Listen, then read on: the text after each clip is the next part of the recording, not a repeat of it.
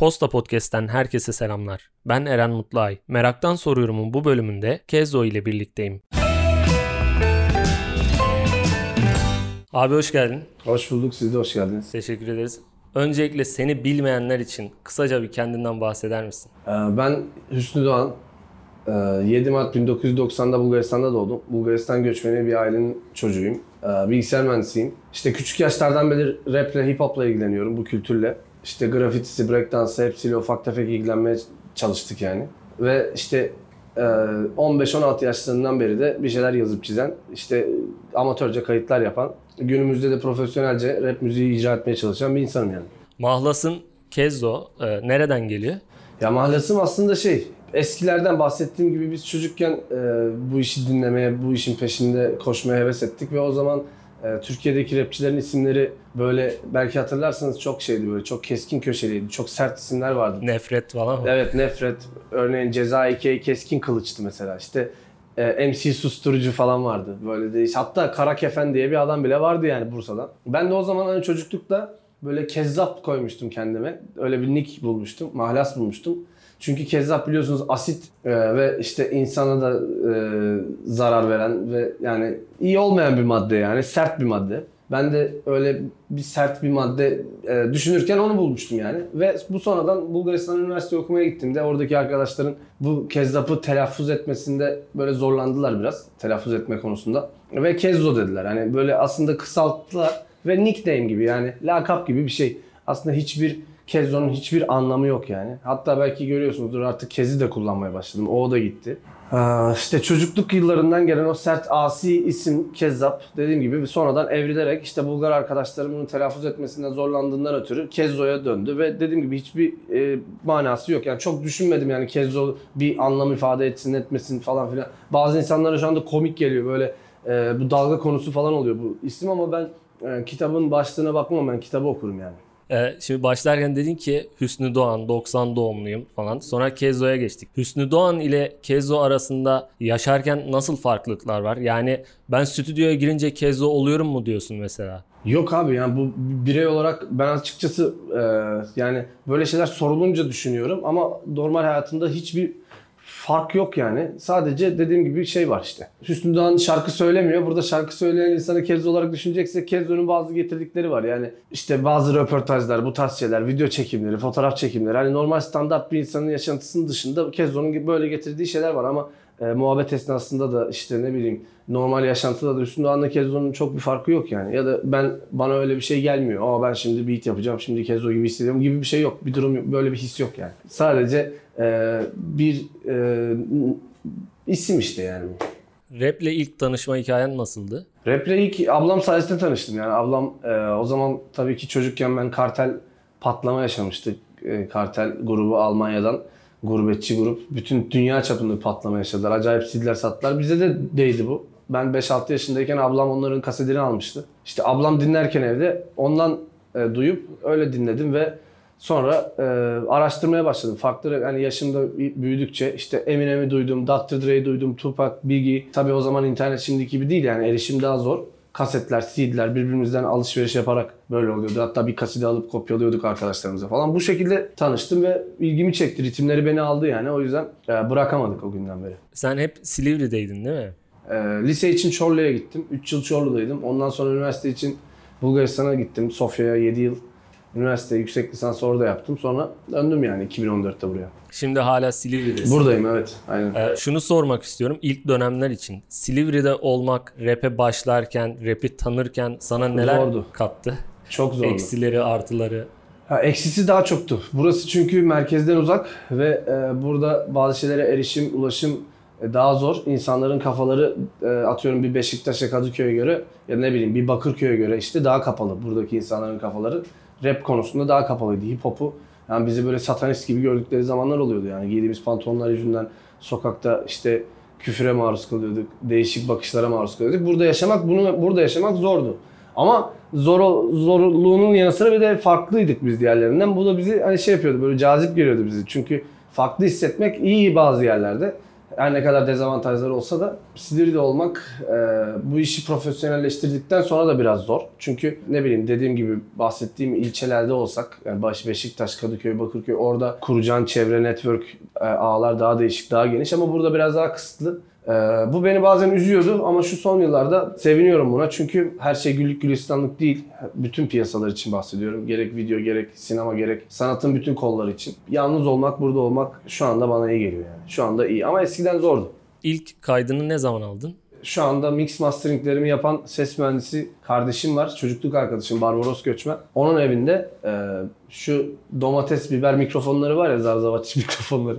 Onlardan almıştık işte Caner abi diye bir elektronikçi var. Hala hazırda hala dükkanı açıktır. İşte o mikrofonla Waves'in bir tane kayıt programıyla Barbaros'un evinde işte denedik Erdi, Erdi ben Barbaros. Hatta böyle kayıt durdurma falan yok. Direkt ben okuyorum sonra Erdi'ye veriyorum falan. Öyle bir deneyimdi bizimkisi. Çok amatördü tabii ki yani. Ee, mesela e, o dönemler için özellikle söylüyorum. Rap bir fikri olan insanın yaptığı bir şeydi ya. Bir derdi vardı. Bugün çok hani öyle Bugün çok değişti. e, lanse edilmese de. O zaman mesela sen hangi e, konu üzerine lirik yazdın? Ya abi ben gene şu anki gibiydim ya. Hatta yani gene işte sokakta olan olaylardan, adaletsizlikten, işte güçlünün güçsüzü ezmesinden e, gene bu tarz şeylerden bahsediyordum. Hatta bizim Erdi bana kızıyordu. Ya oğlum işte biraz dans ettirecek şeyler yazalım falan filan gibi e, şeyler böyle eleştiriler yapıyordu bana Erdi. E, ne bileyim yani benim içimde bu var. Hani böyle Allah'a şükür yani ekonomik olarak çok zor zamanlar geçirdiğimiz durumlar oldu ailecek. Son yıllarda da çok zor bir durumda geçirmedik. Buna rağmen ben zor durum yaşayan insanları anlatmaya çalışıyorum. Yani benim ilgimi o çekiyor. Çünkü e, o bu durumlar görünmez gibi oldu maalesef ülkede. Her şey güllük gülistanlık gibi yaşanıyor uzun yıllardır.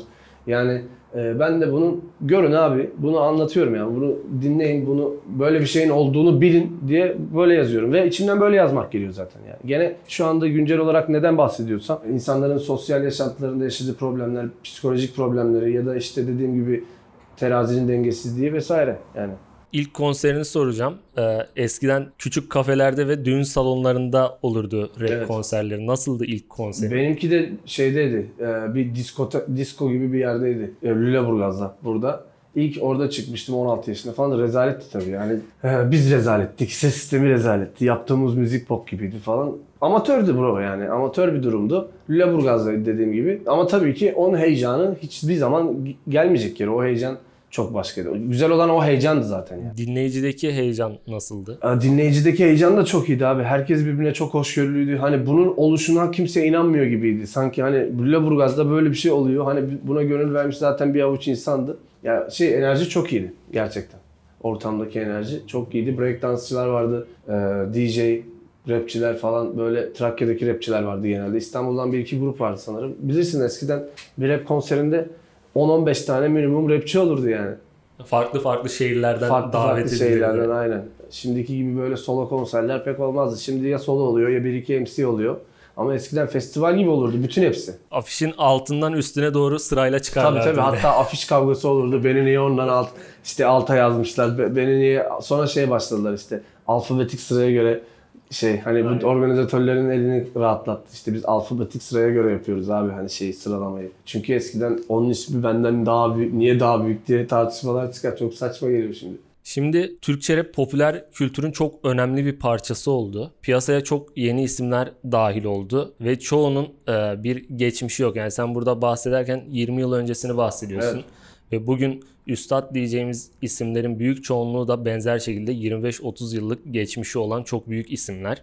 Çok Sen de geçmiş. Ee, yakın zamanda e, bir parçanda şunu söyledin. Berkcan is not hip hop artist. Burada direkt Berkcan özelinden sormuyorum bunu. Diğer isimleri de dahil ederek yeni Türkçe rap diye hitap etsek ne düşünüyorsun bunun hakkında? Bana soracak olursan ki bana soruyorsun. İşte bahsettiğimiz mesela Berkcan kardeş işte video içerik üreticisi sıfatıyla okeyim yani. Böyle bir kardeşimiz var ve o kendi sektöründe başarılıdır, başarılı olabilir. Ee, ama bana şey gibi geliyor yani. Güzel bir mankenin hem oyunculuk yapması hem şarkı söylemesi ki zamanda buna şahit olduk ve bu kültür zamanında bunlara hep karşı durdu. Yani şöyle durdu. Yani biz buna karşı değilim açıkçası ama ben burada dediğim gibi o şarkıda anlattığım gibi naif bir eleştiri yapıyorum sadece. Berkcan is not hip hop artist. Yani Berkcan bana göre rap artisti değil, rap sanatçısı değil diyorum. E, ki Berkcan üzerinden değil sadece bir sürü örneği var bunun. E, yapabilirler evet yapıyorlar sıkıntı yok. Niye yaptın lan deyip kafasına kimsenin silah doğrultacak halimiz de yok. Ya da bunu çok böyle katı bir şekilde e, karşılamıyorum ama sadece şunu bilmelerini istiyorum. İşte gerçeği yani bu kültürü e, biraz böyle hafife alıyorlar şu anda. E, bu kültürün çektiği zorluklar falan şu anda kimseyi bağlamıyor olabilir. Şu anda herkes yolunda olabilir ama işlerin buraya gelmesinde verilen emekleri gerçekten göz ardı etmek bence nankörlük oluyor biraz. Dediğim gibi herkes yapabilir. Mankenler de zamanında pop yaptı. İşte ne bileyim fantezi müzik yaptılar. Bu ben dediğim gibi o döneme benzetiyorum. Şu anki dönemi de şu anki olan şeyleri de. Rap popüler abi. Bir rüzgar var. Herkes rüzgar ne yapıyor? Yelkenliği ittiriyor. Yelkenli rahat yol alıyor şu anda. Herkes o yelkenliğe, herkes o gemiye binmeye, herkes o gemiden bir pay almaya çalışıyor. Bu olacaktır. Bazı arkadaşlar rapçi değil diyorum yani. Sadece bu demek istediğim. Yoksa herkes her şeyi yapabiliyor. Yapıyor zaten. Ama ben rapçiyim demesinler yani. İstediğim bu. Eskiden şey vardı. Ee, baktığımızda bir insan ya bu battle rap yapıyor. Bir de ya bu melankoli rap yapıyor falan. Şimdi çok farklı stiller konuşuluyor. Evet evet. Ve trap e, çok merkeze oturdu Türkçe rapte. Hem yeni isimler çok onun peşinden gidiyor. Hem yeni dinleyiciler inanılmaz beğeniyor. Ses düzenlemeleri, dijitalleşmesi ayrı bir şey. Evet. Trap hakkında ne düşünüyorsun? Abi ben de dinliyorum bu arada yer yer. Yapıldığı zaman özellikle altyapılarını çok seviyorum ama şey böyle üzerinde çok dijitalleşmeyi çok sevmiyorum. Dediğiniz gibi vokallerin çok dijitalleştirip böyle cırtlaması bana şey gelmiyor böyle çok. Bana dediğim gibi bana cazip gelmiyor. Ben çok alıp dinlediğimi söyleyemem ama trap altyapıları gerçekten çok güçlü, çok güzel, güncel ki şu anda drill altyapıları da çok hoşuma gidiyor. E, onların üstüne de birkaç bir şey yapıyorum. Gençler tabii ki arabada güzel tınlayacak işler dinlemek istiyorlar. Yani diskoda kafa sallayacak işler dinlemek istiyorlar, eğlenmek istiyorlar. Bu gayet doğal bir şey. Dediğim gibi takip ettiğim çocuklar da var böyle, yenilerden de var. Eskilerden de yap- yapan insanlar var. Yani bu olacak müzik böyle aynı kalmasını bekleyemeyiz. Değişim olacaktır. Değişim yoksa gelişim yok zaten. Yeter ki bana göre içi dolu olsun yani. Hani iste, istersen hiçbir ritim olmasın. Bir piyanonun üstüne rap yap ya da işte ne yapıyorsan yap. Şarkı söyle ama e, sözler bana şey dedirsin ya abi adam bir şey yazmış, bir şey anlatıyor. Yani yoksa işte bu kahve burada yanındaki küllük yani orada çakmak var şimdi ben de burada saçmalıyorum gibi şeyler ne bileyim şey beni tutup almıyor ya da benim sanat eşiğime erişmiyor onlar. Şimdi sen mesela dinleyicilerin e, neler istediğinden bahsettin şu an. Ama bu bugünün dinleyicisi. Bundan 10 sene önce e, Bu arada lafını kesiyorum ama bunlar rap dinleyicisi değil şu anda. Bu müzik, bunlar pop dinleyicisi. Bunlar yani e, K-pop geldiği zaman bunlar rap falan dinlemeyecek. Rap konserine gitmeyecek. Bunlar K-pop sanatçı konserine gidecekler. Bu dediğim gibi muhabbetin başında hani seninle az önce konuşurken rap, rock müziğin yaşadığı dönemi yaşıyor. Bu değişecek. Yani dinleyen rapçi, asıl rapçi kitle bence hala eskisi gibi. Hani işi bilen, kültürü merak eden gene %20, %30 yani. İlk sanatçının konserine gidince bunu anlıyorsun yani. Çünkü adam hayvan gibi rapçi ama konserde insan yok ya eskisi var insan da eskisi kadar öyle hınca hınç değil. Dolduran dinleyenler bunlar pop kitlesi baba. Hani bunlar düşünmek istemeyen dans etmek isteyen kitle. bir de çok kemik kitle. e, bir Evet. önceki dediğin O- için. Evet. Ya ben e, Çağrı Since'nin birkaç konserine gittim. Önlerde olanların hepsi tanıdım artık yani. Tanırsın, Aynı evet. tiplerdi yani. Evet evet çünkü adam oraya rap dinlemeye gidiyor. Hı hı. Yani adam burada rap'i yaşıyor yani. Yani bu olabilir baba dediğim gibi. Rock müziğin yaşadığı dönemi yaşıyor. Yarın K-pop gelecek. K-pop'un konserleri dolu olacak. Yapacak bir şey yok yani. Zaten şimdi tamam bu konu okey e, pop dinleyicisi bunlar. Aslında raple alakaları yok ama şu an bu satıyor. Birçok rapçi de bu yoldan gidiyor. Yani isim vermeyeyim. Bir Tabii derdi tabii yani olduğunu nabza göre şerbet He, işte. bir derdi olduğunu bildiğimiz birçok rapçi var. Ee, onlar dönüyor birden bambaşka şarkılar yapmaya başlıyor falan böyle. Sen ama hiçbir zaman mesela şey yapmadın. Az önceki yaptığın freestyle gibi Evet. şeydeki gibi şeyler üretmedin. Evet. Ee, hep bir derdin var parçalarda. Hep bir şeylerden bahsediyorsun. Bahsettiğin gibi işte yoksulluk benim derdimdi. Adaletsizlik benim derdimdi. Tam olarak nelerden besleniyorsun hala? Aslında sokağa şöyle bak. Beslendiğim şey çok basit yani. Hani e, insan yaşantısı ve coğrafya gerçekten çok güzel bir coğrafya baktığında şöyle haritaya yukarıdan ama içinde yaşanan olaylar çok fazla güllük gülistanlık değil. Beslendiğim şey abi terazinin dengesizliği aslında yani. Hani ya da işte e, güçlünün güçsüze uyguladığı mobbing yani beslendiğim şey anladın mı? Böyle çok uç beslendiğim şeyler yok. Normal bir insan gibi yaşıyorum yani. Böyle star gibi yaşamıyorum.